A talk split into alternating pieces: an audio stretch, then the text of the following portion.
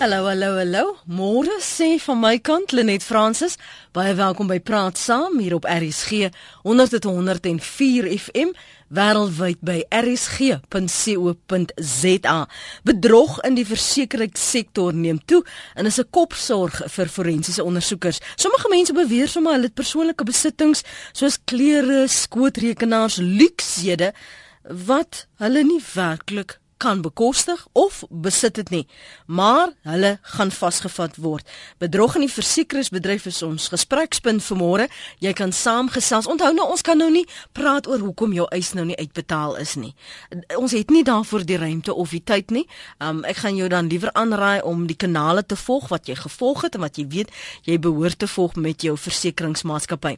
Die interessante ding van hierdie gesprek is dat dis nie net verbruikers wat so skelm is nie. Dis binne die versekerings versekeringsmaatskappye is daar ook skuiwergate en dis onder meer waaroor ons gesels. Ons gaste is al by telefonies vir oggend. Erik Silje is voorsitter van die Instituut vir Kommersiële Forensiese Praktisyns. Môre Erik. Goeiemôre net. Baie baie dankie vir jou tyd vanoggend by Praat Saam so ook aan Servaas Du Plessis. Hy's uitvoerende hoof van Sensio. Môre Servaas. Môre net. Môre Erik. Erik, Servaas die die toename in bedrieglike eise. Het dit is dit net in Suid-Afrika of is dit 'n wêreldwye tendens? Erik, kom ons begin by jou.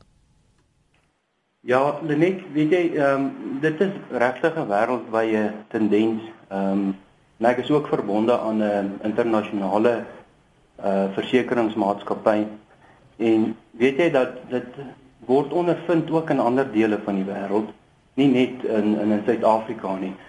So ja, dit dit is werklik iets wat wat geweldige uh, afmetings aanneem. Ehm um, en dit is natuurlik geweldige groot bedrag as 'n mens kyk die die geld wat wat in Suid-Afrika belê word in in versekerings mm. en die die die persentasie van bedrog wat wat plaasvind, is dit geweldige groot bedrag. Dit word nie net by in Suid-Afrika ondervind nie. Dit is werklik 'n uh, 'n uh, uh, internasionale tendens. Is dit maar weens ekonomiese toestande servas? Ja, dit dit is een van die motiewe net eh, net net om aan te sluit daarby Erik, as jy as jy gaan kyk na jou internasionale tendense en en opnames wat gedoen is laat uh, in 2012 deur Amerika en Europa. Mm. Is dit nogal skokkend om te sien dat in Europa het 44% van die respondente gesê jy weet dit is aanvaarbaar om uh, jou eis te te, te belaai met items wat jy nie gehad het nie of met beter produkte. En in Amerika, hoewel dit baie laag is, maar nog steeds, jy weet baie baie vreemd, is 24% van die Amerikaners het gesê dat jy weet bedrog is is aanvaarbaar op versekerings uh, eise want jy betaal so lank aan premies. O, oh, jy. As jy nou ernstig, het mense dit regtig erken? Ja. So, hulle eh, skep regverdiging daarvoor. Dis maar meeste van die gevalle wat ons wil kry. Jy weet eh, die opportuniste wat ons uh, eventually ontbloot aan aan bedrog. Dis maar gewoonlik die verskoning. Ja, ek betaal nou al vir 15 jaar. Ek het nog nooit 'n eis voorheen gehad nie. Dis tyd dat ek so 'n bietjie terugkry uh, van my premie. Is dit hoekom julle ons altyd almal soos diewe laat voel? As hulle eers die ondervraging begin en vra rondom die eis het is dit eh, half aanvaarbaar is dit deel van die modus operandi dat elke eis wat ingedien word moet jy oor vra vra ons ons hanteer 'n baie klein uh, persentasie van eise wat wat as 'n hoë risiko ge uh, uitgelig word deur die versekeraars met met hulle interne stelsels en hulle bedrogbeleid en mm. weet die die analitiese sagteware wat wat kyk na risikofaktore op eise So in die, in die omgewing van tussen 2 en 4% van van eise sal in daai kategorieë segmenteer en as uit die aard van saak dan vir daai mense wat nou 'n paar addisionele vrae vra, maar dis nie dis nie moeilike vrae nie, dis vrae wat jy behoort te weet want jy het tog die item gekoop, jy het hom gebruik. So dis nie vrae wat jy nie kan beantwoord nie, tensy jy dit natuurlik nie gehad het nie. Ja. En dan sal jy 'n bietjie klei trap as jy moet verduidelik soos jy vir my gesê het mense eis vir 'n televisiestel wat hulle na bewering 10 jaar gelede gekoop het, maar dan se 2 maande gelede in Japan eers geloods. Ja, dis dis een van die van die uh uitskieters wat ons kry redelik gereeld. Ons gaan nou-nou praat oor ander voorbeelde. Ek wil vir ons luisteraars geleentheid gee om saam te gesels veral ook hierdie aanvaarbaarheid en jy kan anoniem bly as jy wil saam praat. Um is val jy in daai 24% persentasie wat sê dis jou aanvaarbaar as jy nou vir so lank betaal het aan jou premie, jy het nog nooit geëis nie, dan kan jy mos maar jou jou eis hier en daar so 'n bietjie aanpas. Is dit oukei okay met jou? Het jy dit al gedoen? Ek weet nou nie of daar brawe siele is wat dit sal erken op liggie, maar ek wil graag hoor. Ek wil net die denkpatrone en die motivering beter verstaan. Bel my gerus op 089 1104553. 089 Praat gerus met Erik en met Servaas vanoggend op praat saam. Erik, wat is hierdie risiko? Hoe risikofaktore wat waar jy na verwys? Net wat wat versekerings oor die wer, uh, uh, oor tyd gedoen het um, en ook internasionaal ehm um, is elke keer wanneer daar 'n uh, bevestigde bedrog ehm uh, versekeringsbedrog is dan vat ons daai uh eis en die profiel van die ehm um, van die versekerde en ons ontleed dit behoorlik. So ons kyk ehm um, wat is die die eienskappe van van daai spesifieke eis wat bedrog is. Mm. En dan begin versekeraars ehm um, soos wat ons verwys na na rooi vlae uh of of bedrog uh, indikators wat hulle begin bou rondom hierdie bedrog eise sodat wanneer die vers, die versekeraar 'n soortgelyke eis ontvang onder soortgelyke omstandighede dan dan vergelyk hulle dit met die bedrog indikators wat wat opgestel is. En dit wys dan natuurlik uit wat is die moontlikheid dat dit 'n bedrog eis kan wees? So soos wat Servaas ook nou aangedui het 'n klein persentasie van eise ehm um, hulle voldoen aan daai uh bedrog indikators en daai is die eise wat die versekeraar dan sal vat en bietjie nader kyk na die eis. Dit beteken nie noodwendig mm. dat wanneer 'n uh, 'n spesifieke bedrog of indikator of 'n rooi vlag uh, geaktiveer is op 'n eis dat dit noodwendige bedrog eis nie is nie. Mm-hmm. Ehm um, dit beteken maar net dat die versekeraar gaan bietjie nader kyk na daai spesifieke eis Ehm um, en en soos wat Servaas ook aangedui het, dan vra hulle maar vra hoe het jou items bekom, wat het gebeur in die omstandighede en en dit is maar normale vrae ehm um, wat uh die gewone persoon behoort te kan antwoord. Daar op Wellington skryf 'n luisteraar, ek weet van 'n onderwyser, kollega wat met sy makelaar bedrog gepleeg het. Die kollega se huis is vol elektroniese ware wat hy nooit voor 'n geyser se bars gehad het nie. Die korrupsie begin hoog op, skryf die luisteraar daarvan af Wellington. Uh, daar is natuurlik baie voorbeelde. Ons het gesê vanoggend gaan ons nie net praat oor verbruikers of eisers nie, maar ook binne maatskappye. En hier lyk dit vir my daar's 'n buiteperd makelaars in hoe verre sien julle makelaars wat ook betrokke is ervaas? Weet julle net ek ek dink dit is uh baie baie keer die euforia waarin mense vasgevang word. Daar is 'n baie baie klein persentasie van makelaars wat het sy uh intens uh, met met intensie, jy weet hulle kliënte assisteer, maar ek, ek moet vir jou sê ons ondervinding met die makelaars is oor die algemeen dat hulle net so uh, teen teen bedrog en teen oneerlikheid is op eise. Mm. So die die klein persentasie makelaars wat 'n uh, blinde oog draai of wat probeer of betrokke is by bedrog is is regtig nie eens noemenswaardig nie. Môre, ek sal nie lieg met 'n eis nie, maar die versekeraars betaal jou nie die waarde van verlore goedere nie. Al betaal jy 'n hoë kerf. Ons kan nou-nou praat oor die uitbetalings en probleme wat mense van tyd tot tyd daarmee het en ook die bedrog rondom dit. Reinier wil saamgesels. Ek skiet dink sy naam is Reiner. Môre Reiner. Môre lê in jou gaste. Hallo daar. Uh my inval invalshoek is sommer reguit die versekeringsmaatskappye dwing 'n mens om bedrog te pleeg. Hoe so? As jy 'n skootrekenaar het en jy verseker hom. Mhm. Mm jy spesifiseer hom, dan gaan jou premie so op dat jy na 3 jaar in elk geval vir jou nuwe een kon koop. So, so ek het, ek het 'n skootrekenaar en ek, ek verseker hom nie want ek meen na 3 jaar het ek vir my 'n nuwe een kon koop. Mhm. Hoe besluit jy wat jy wil spesifiseer of is dan net niks wat jy spesifiseer nie? Nee, ek het 'n paar goed wat nou regtig waar baie duur is. Mm -hmm. Ek het 'n sakholosie wat van die vroeë 1900s dateer en hy is gespesifiseer. Want ek meen hy is al gewaardeer vir ek dink 30000 rand of so iets. En jy het daai waardasie. Daai waardasie het ek. En laat jy dit elke jaar waardeer of of nie? Ek laat hom so elke paar jaar laat paar jaar. Mm. En hou jy al die die die die strokies as jy byvoorbeeld aankope doen, neem jy fotos van elke CD in jou rak? Nee, dit het ek nie. Dit het ek nie. Goed. Ek miskien vir ons gaste vra, dankie vir die saamgesels Reiner. Wat is die die omstandighede? Ek meen, moet 'n mens altyd strokies hê? Moet 'n mens fotos neem um, wat later dalk as 'n bewys te kan wees dat jy wel die eiendom besit het? Is er vas, Erik? Ja, net dit dit is nie noodwendig ehm um, altyd nodig dat die versekerde uh strokies moet hê of uh bewys moet hê van die van die items waarvoor hulle eis nie. Ehm um, daar is ook ander uh goed waarna die die versekeraar sal kyk. Ehm um, hulle hulle neem ook die profiel van die versekerde in ag. Ehm uh, maar maar dit is natuurlik raadsaam om om wel soveel as moontlik uh bewys te kan hou uh en te kan lewer in in diens van jou items gesteel word.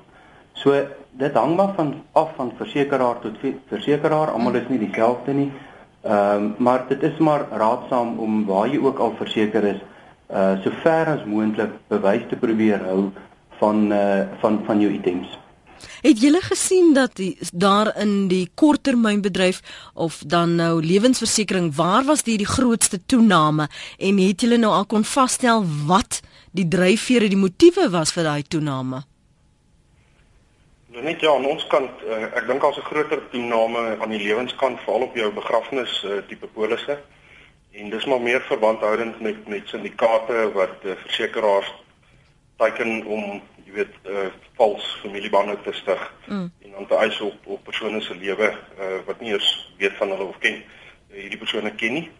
Aan die korttermyn kant, dit is nogal, jy weet, skokkend om om te sien dat van verlede jaar Oktober af veral in jou uh, misdaad uh, verwante uh, verliese daar toename is in bedrog op voertuigdiefstalle is daar in die omgewing van so 4 4% uh, verhoging en dan op jou eiendomsbedrog in terme van inbrake en en uh, gewapende huisrowe is dit omtrent 6% hoër as uh, dieselfde periode verlede jaar. Hmm. Herman skryf hier ek eis dikwels eis groot. Dis wat Herman sê. Die versekeringsbedryf is die mees korrupte bedryf in die wêreld. Versekering is 'n baie goeie ding tot die dag dat jy hom nodig het. Ek het twee keer geëis aan baie sleg daarvan afgekom. Die bedryf het 'n slegte naam deur eie toedoen. Erik. Wat sê jy vir wat Herman hier skryf? Ja, net weet jy ek ek kan nie daarmee saamstem nie. Ehm um, wanneer 'n mens versekerings uitneem, ehm um, dan doen jy dit onder bepaalde voorwaardes. En ehm um, solank as wat jy die die versekerde aan aan aan die voorwaardes voldoen en ook die versekeraar uh aan die voorwaardes voldoen dan behoort hierdie tipe probleme nie te ontstaan nie. Maar die die, die feit is dat die die beginsel van versekerings is dat 'n mens slegs moet eis wanneer jy 'n verlies het. Ehm um, of wanneer jy skade het. Want wat 'n mens ook in ag moet neem is dat daar geen verskil tussen versekeringsbedrog en enige ander tipe bedrog nie. Met ander woorde, 'n persoon wat sy eis uh oorlaai, en hy eis vir meer as wat as as wat die verlies is wat hy wat plaasgevind het. Uh dan moet mense in gedagte hou dat die ander kliënte wat bydra tot hierdie versekering ehm um, subsidieer in 'n mate die bedrog wat 'n persoon pleeg. In ander woorde, as as iemand eis wat hy nie veronderstel is om te eis nie, dan betaal die eerlike uh, versekeringskliënte betaal eintlik vir daardie bedrog.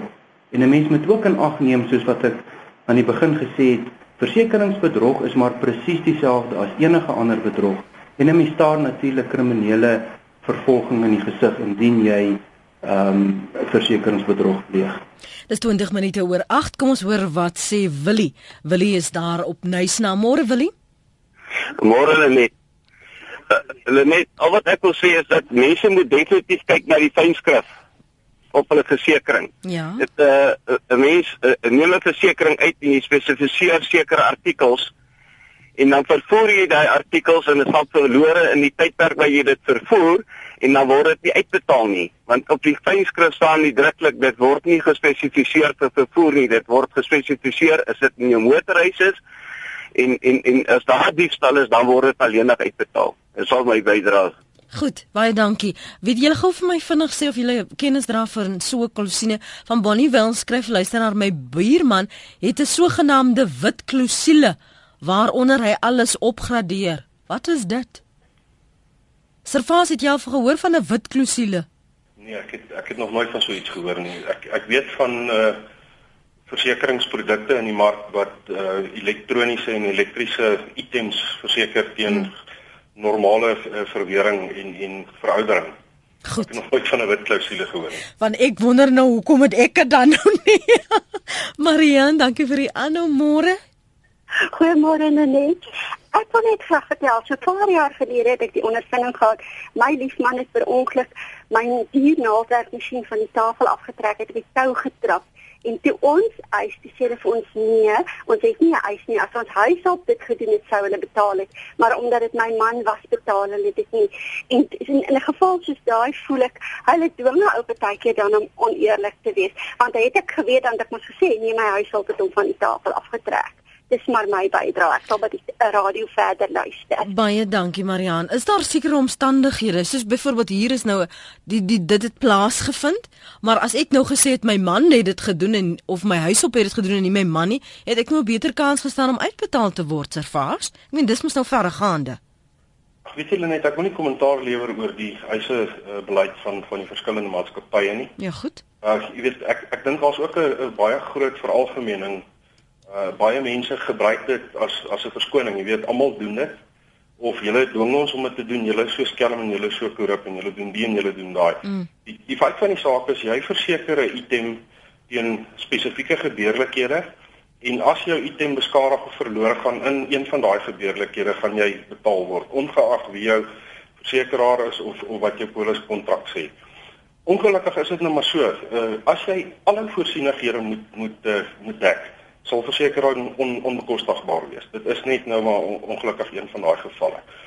Uh wat wat die uh, uitbetaling van eise aanbetref, ek dink daar's genoeg regulasies uh wette en en uh jy weet selfs hofuitsprake en ombudsmanne wat kyk na na uh, onderskrywers se uh, se handhawing van hulle eisebeleid en hulle uitbetalingsreputasie. Mm.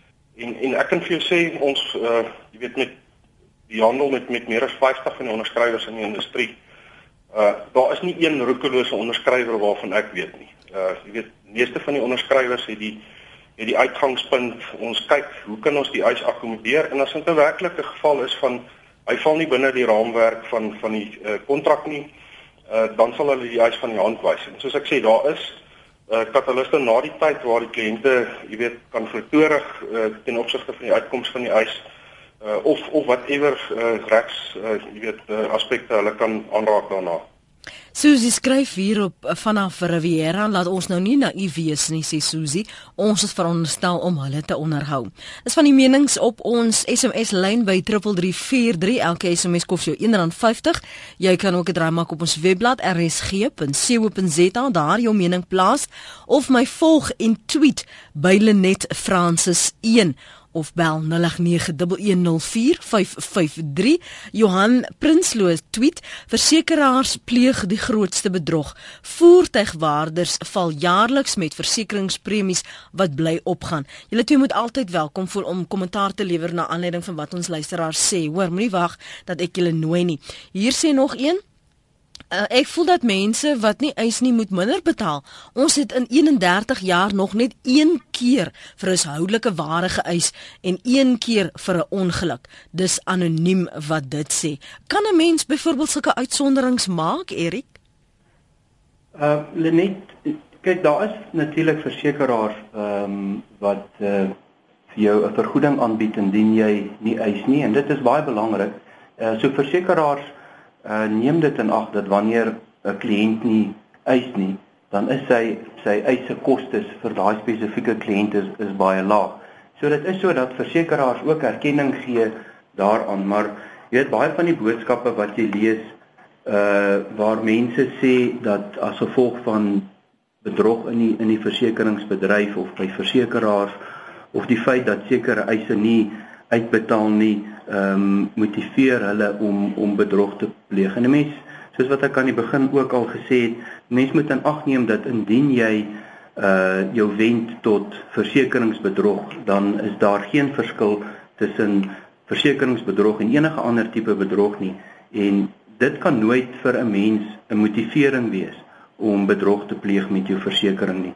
Daar's baie versekeraars in Suid-Afrika en indien 'n ou nie tevrede is met die diens wat jy by 'n spesifieke versekerde kry nie, dan staan dit jou vry om om jou besigheid na iemand anders te skuif.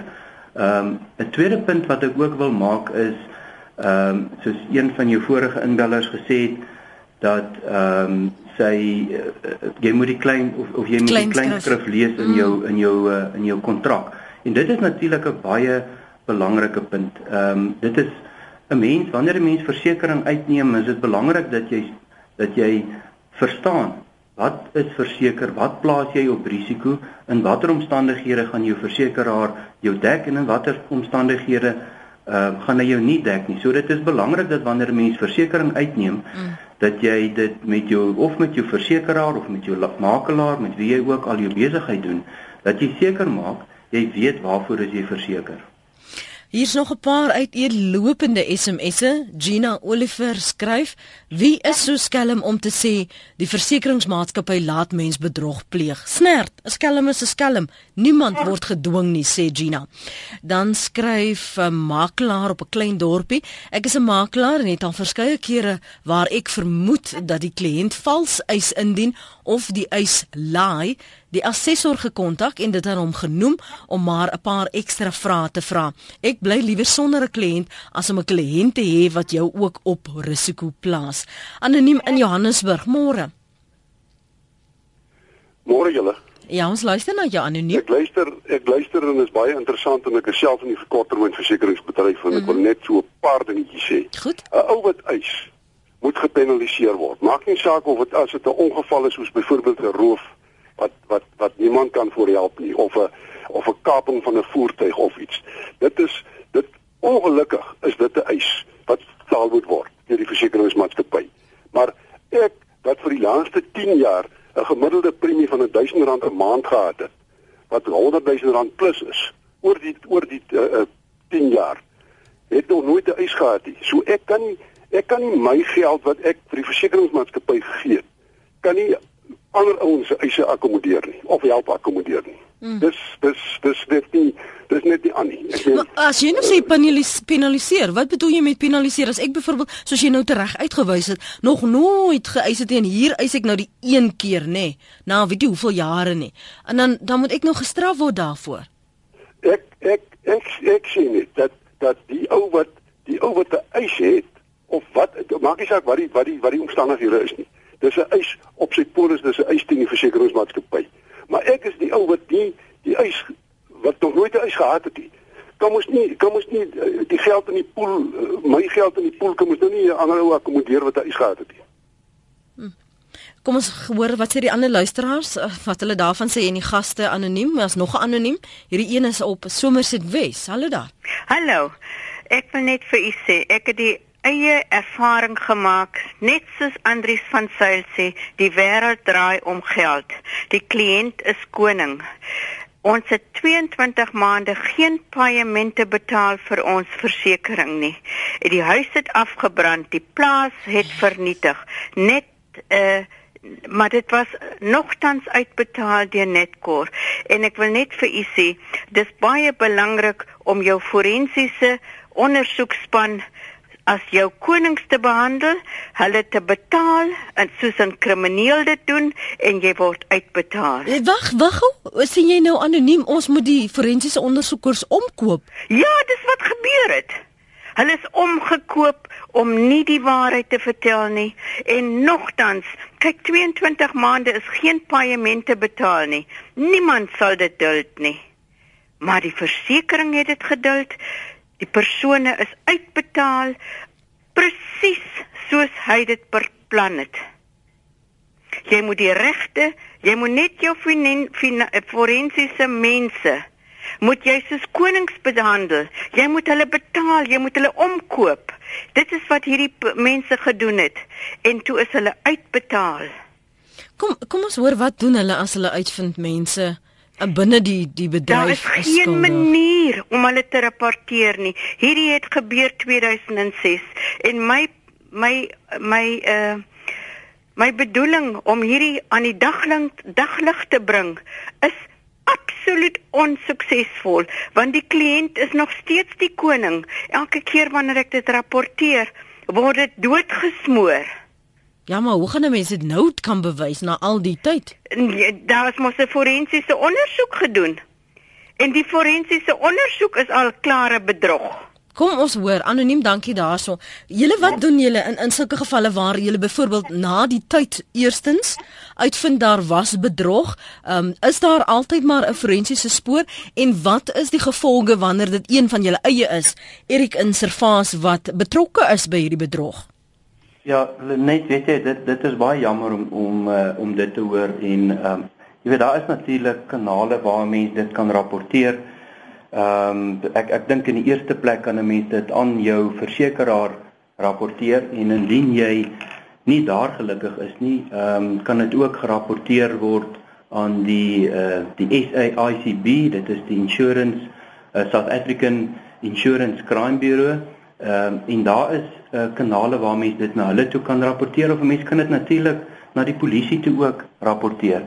Ek dink dit is ook baie belangrik dat 'n mens seker maak ehm um, dat ondersoekers wat aangestel word aan die no nodige uh minimum standaarde en vereistes voldoen en en ons by die ehm um, instituut uh van kommersiële forensiese praktisyns of die ICFP dis vir ons baie belangrik dat uh ondersoekers wat by ons lede is dat hulle uh uh mense is met hoë standaarde en dat hulle aan die minimum vereistes en kwalifikasies uh voldoen en ek dink dit is ook belangrik dat dat hierdie uh ondersoekers aan die nodige etiese kodes van die instituut um voldoen. So wanneer 'n mens uh na ondersoekers uh of ondersoekers gebruik, uh -huh. dan is dit belangrik dat 'n ou seker maak dat uh 'n ondersoeker geaffilieer is byvoorbeeld aan 'n instituut soos die ICFP wat dan seker maak dat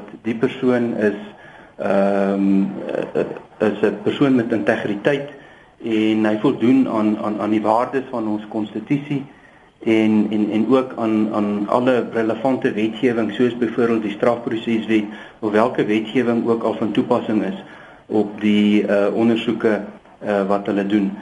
So dit is baie jammer om om te hoor dat daar wel ondersoekers is wat ehm um, wat oneerlik is, maar ek dink die enigste manier hoe mense dit natuurlik kan uitroei is dit moet gerapporteer word, het sy aan die versekerings of aan die polisie of aan die SAICB um, om seker te maak dat hierdie mense uh uh nie weer werk kry nie en dat hulle uh uit die industrie uitgaan. Servans, as ek die bedryf ken en ek is 'n forensiese ondersoeker byvoorbeeld of ek is 'n makelaar en ek weet vooraf wat die skuiwergate gaan wees of waaroor daar vrae gevra kan word, kan ek mos eintlik nou die perfekte misdaad pleeg want ek weet al klaar wat jy gaan soek. Julle net, ek dink is naïef om te dink dat uh, jy weet daar is nie korrupsie en daar is nie uh, oneerlikheid en onetiese optrede met jy weet eisebemiddelaars en selfs ondersoekers nie. Dit is dit is ongelukkig een van daai dinge soos met enige ander bedryf. Jy weet selfs selfs op op regeringsvlak is daar korrupsie en bedrog. Ek ek dink ons as die mens is maar jy weet oor die algemeen uh dalk so 'n bietjie aan die aan die verkeerde kant van die van die wet, partykeer baie opportunisties, partykeer heeltemal onkundig. Uh wat die uh, vorige uh En Beller? in in Beller uh, van gepraat het. Ons moet ons moet ook verstaan dat eiendom uh wat verseker is, die bank het 'n belang op daai spesifieke eiendom en daar is voorsieningsklousules in gevalle waar premies nie betaal word nie want onthou dis die bank se risiko. Dit behoort nie aan die persoon of die individu nie. En daar is ooreenkomste met verskeie van die banke en die versekeraars dat in 'n geval waar 'n premie vir watter rede ook al nie verhaal is nie mm -hmm. dat die bank se belange beskerm sal word en dat die dat die huis dan geherbou sal word. So ek dit dit kan moontlik wees dat daar uh, omkopery en en korrupsie plaasgevind het met daai uh, forensiese ondersoeker of die eisebemiddelaar Maar dit kan ook baie eenvoudig net 'n gewone soos hulle in die Engels sê mortgage clause in in die in die eiendom uh, wat in die bank se naam gefinansier is, uh, in die polis kontrak was. So, ek, dit dis baie moeilik. Daar's verskeie lyne soos Erik met reg gesê het waar jy bedrog en korrupsie kan rapporteer. Omtrent elke versekeraar in die land het 'n interne bedroglyn. En ek kan jou verseker indien daar enige inligting deurkom word dit tot op die fynste uh, been uh, geondersoek. Uh, ek kan nie dink dat enige versekeraar blinde oog gaan draai vir bedrog of korrupsie wat gepleeg is, het sy met interne of of eksterne uh, partye nie. En aan die einde van die dag sê dit ook iets omtrent daardie maatskappy, nê? Absoluut. Mm. Franco, dankie vir die aanhou. Môre. Ag, môre net. Ek wil net hê die mense wat ver oggend daar praat, moet net bietjie vir ons vertel. Ek was so 2 maande terug in 'n motorongeluk gewees. Toe moet ek drie kwotasies kry. My eerste kwotasie is R93000. Die tweede kwotasie is R83000. Die uh, derde kwotasie is R79000 vir dieselfde skade.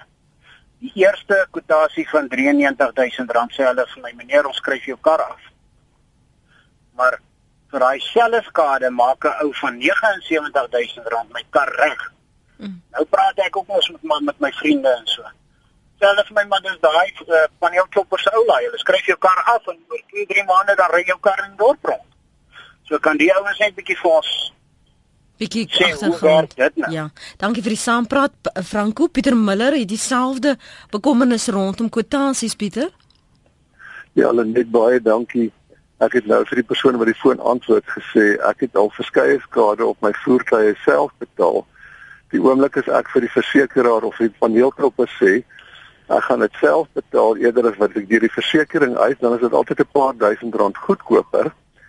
Ehm um, en dit maak nie vir my sin die hele beginsel is dit nog steeds my premie wat in die pool ingaan en hoekom moet die versekeraars nou meer betaal as wanneer ek nou daarvoor betaal? Mm. Ek dink regtig uit ervaring al hierdie is 'n bedryf wat deur die openbare beskermer kan ondersoek word ook. Ek maak sommer punt van daai aanteken eh, aantekening van daai punt ook. Eh, Pieter, dankie vir die saamgesels. Kom ons sluit sommer Reggie van Appington se SMS by hierdie eh, punte aan. Ek het verlede jaar verhuis van Kimberley na Appington toe ek my adres verander, toe sê die versekerings my premies moet opgaan want Appington is 'n hoë risiko area. Ek wil weet hoe werk hulle dit uit, maar ek hoor dis glo die stelsel. Kom ons praat oor hierdie stelsels. Ja, net dit is natuurlik so dat daar's ehm um, uh gebiede in in in die land wat hoë risiko's hoër risiko's is as ander gebiede. En wanneer mens 'n item verseker, dan gaan jou versekeraar ehm um, uit die aard van die saak kyk na wat is die risiko waartoe hy hom verbind hierso. En wanneer 'n gebied 'n uh, ehm uh, 'n hoër misdaadsyfer het of dit is 'n hoër risiko as 'n ander gebied, dan kan 'n mens verwag dat jou premie waarskynlik 'n uh, bietjie hoër gaan wees as as in 'n ander gebied. Ehm um, so dit is maar 'n 'n normale praktyk. Uh, ek dink dit is nie net van toepassing op op gebiede nie. Daar's ook sekere items wat hoë risiko items is waar 'n versekeraar jou waarskynlik 'n bietjie meer gaan vra as vir 'n ander item uh omdat die versekeraar se risiko hoër is. Ehm um, dat die die item beskadig of gesteel kan word. Ehm um, so die versekeraars moet ook uit die aard van die saak kyk na hulle eie besigheid en so probeer beskerm. Ehm um, ten opsigte van die die die eerste inbeller met die verskillende kwotasies. Ehm um, dit dit is so dat daar is ook redelik 'n uh, eh, uh, eh, geïdentifiseerde bedrog in in die paneelklopper bedryf en en versekerings is maar toenemend en ook die SAICB is toenemend besig om uh inligting op te volg oor versekerings in die paneelklopper bedryf.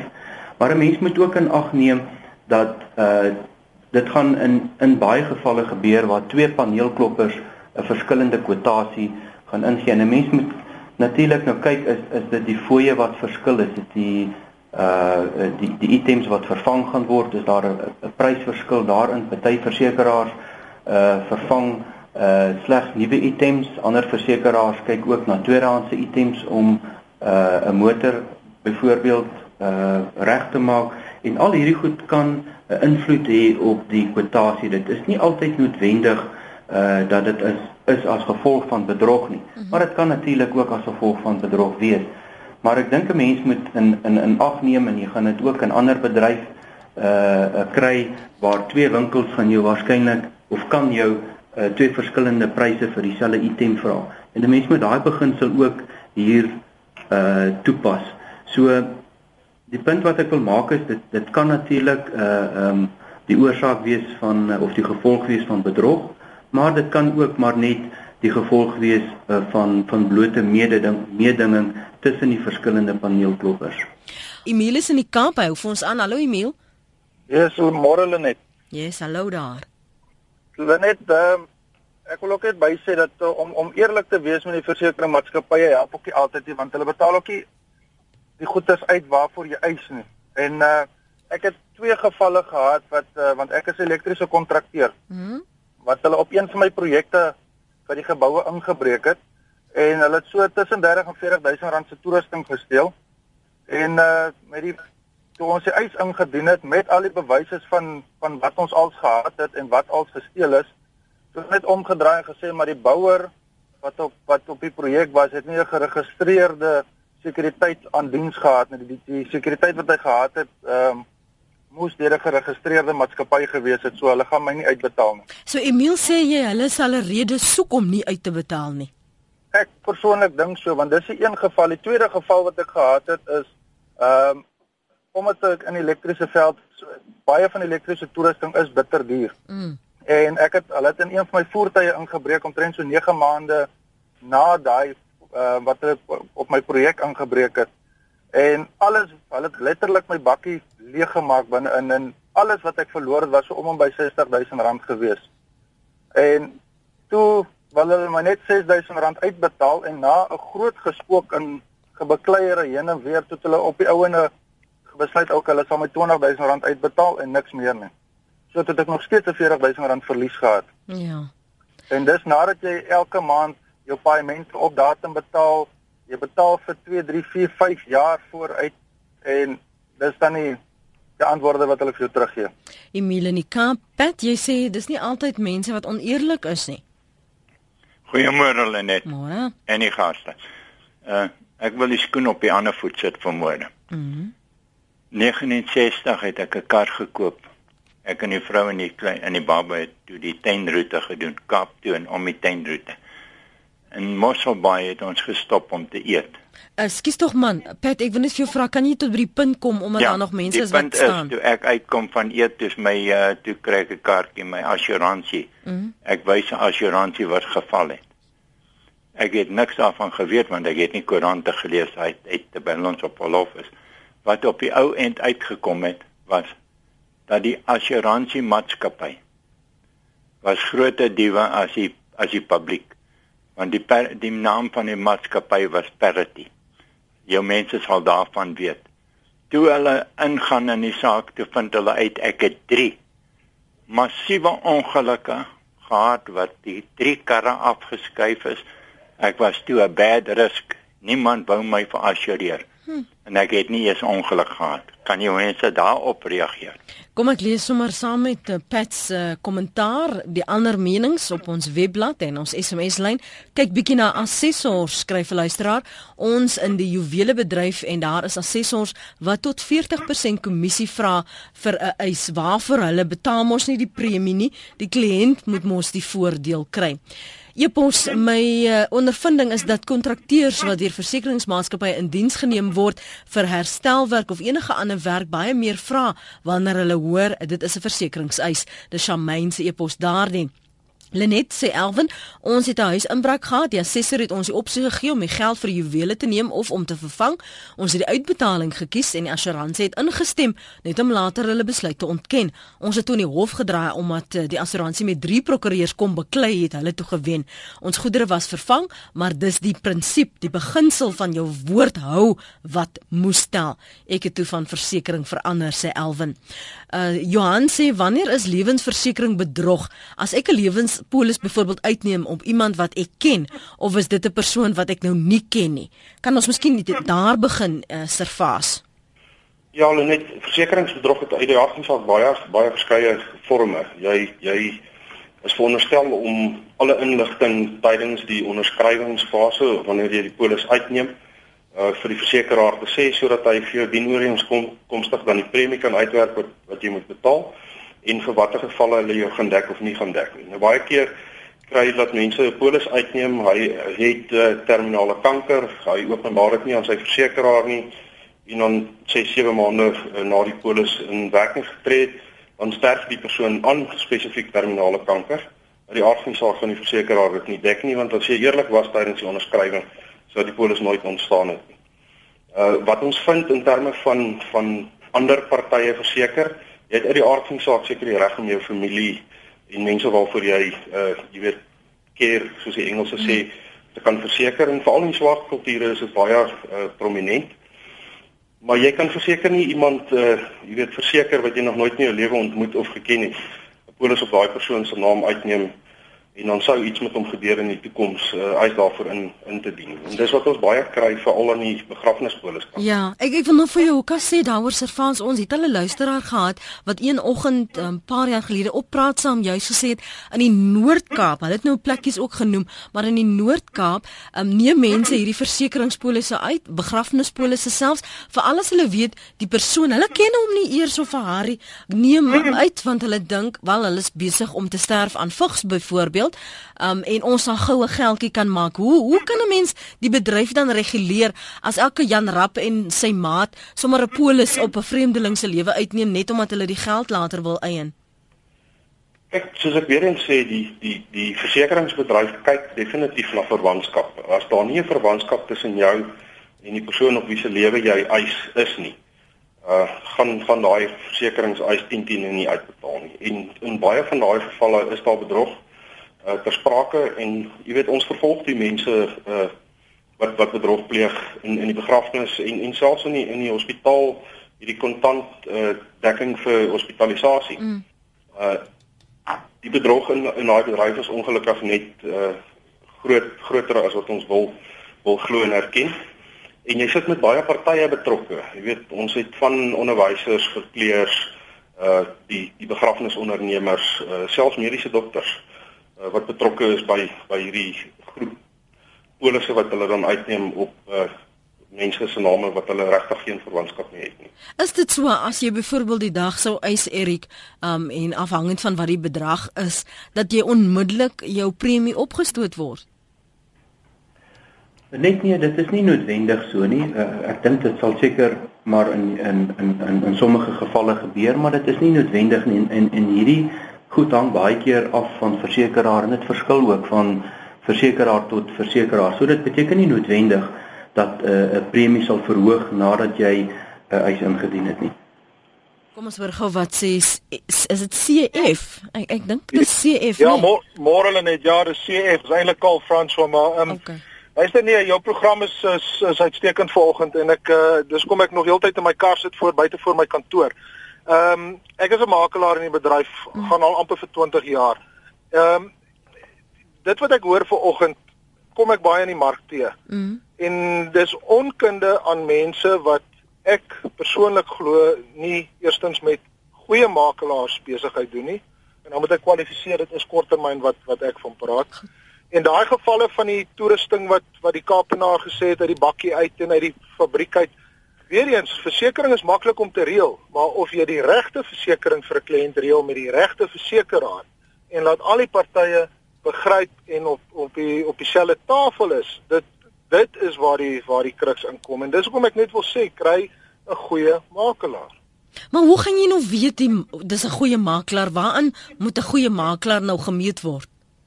Wel, die persoon moet daar is natuurlik die kriteria by die FSB geregistreer wees. Hy moet 'n finansiële uh diensverskaffer lisensie hê.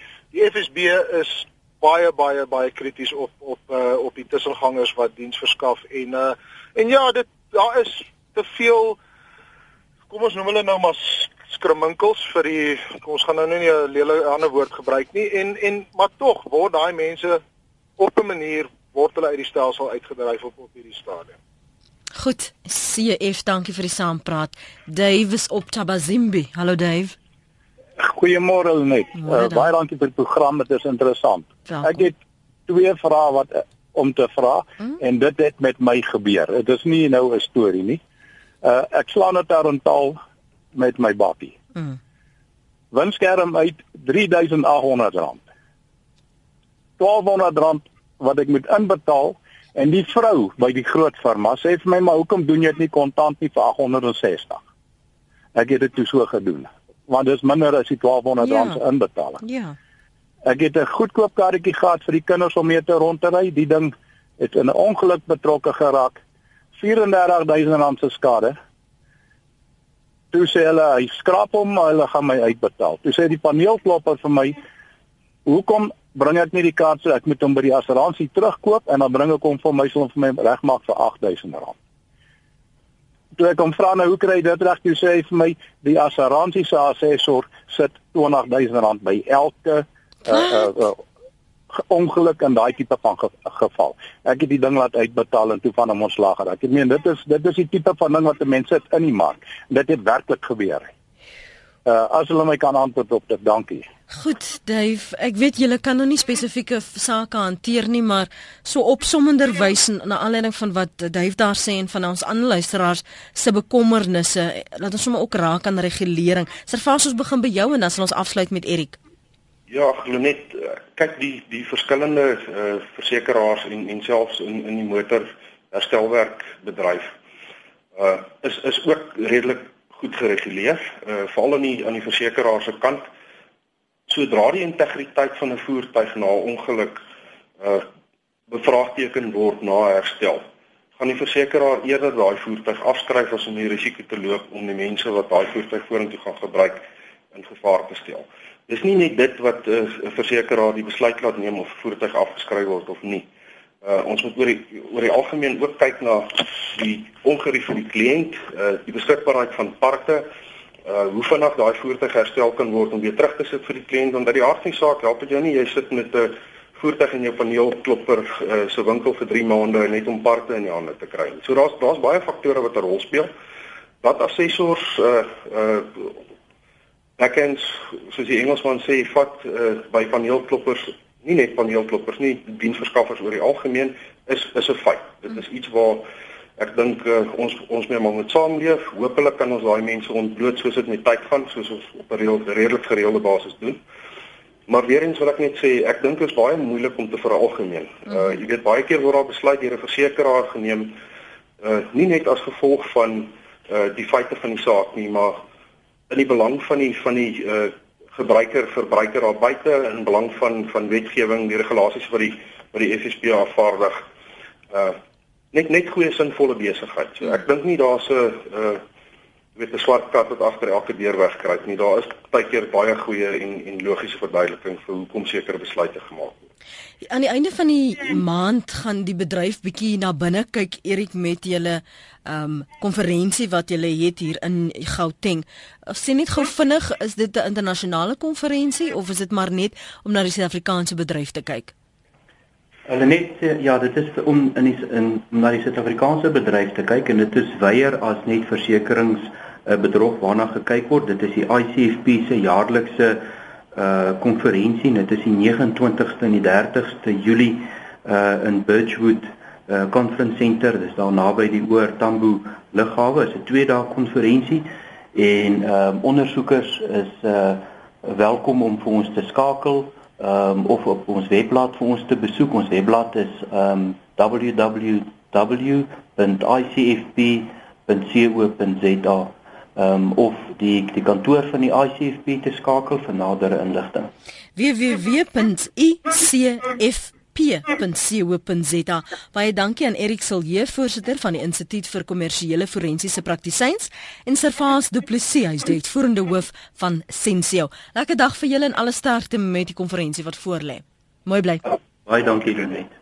Dit is al nou vir oggend se program. As jy wil luister weer na die herhaling, dan kan jy draai maak op ons webblad rsg.co.za. Laai die pot gooi af en luister so daarna. Tuis de lange tweet. Ek is 'n makelaar. Assessors bly die beginpunt van alle moeilikheid. Het baie voorbeelde sê Tuis de lange. En Tuis sê sommer dieselfde asem. Lenet, dit is uh, ten opsigte vir 'n volgende program.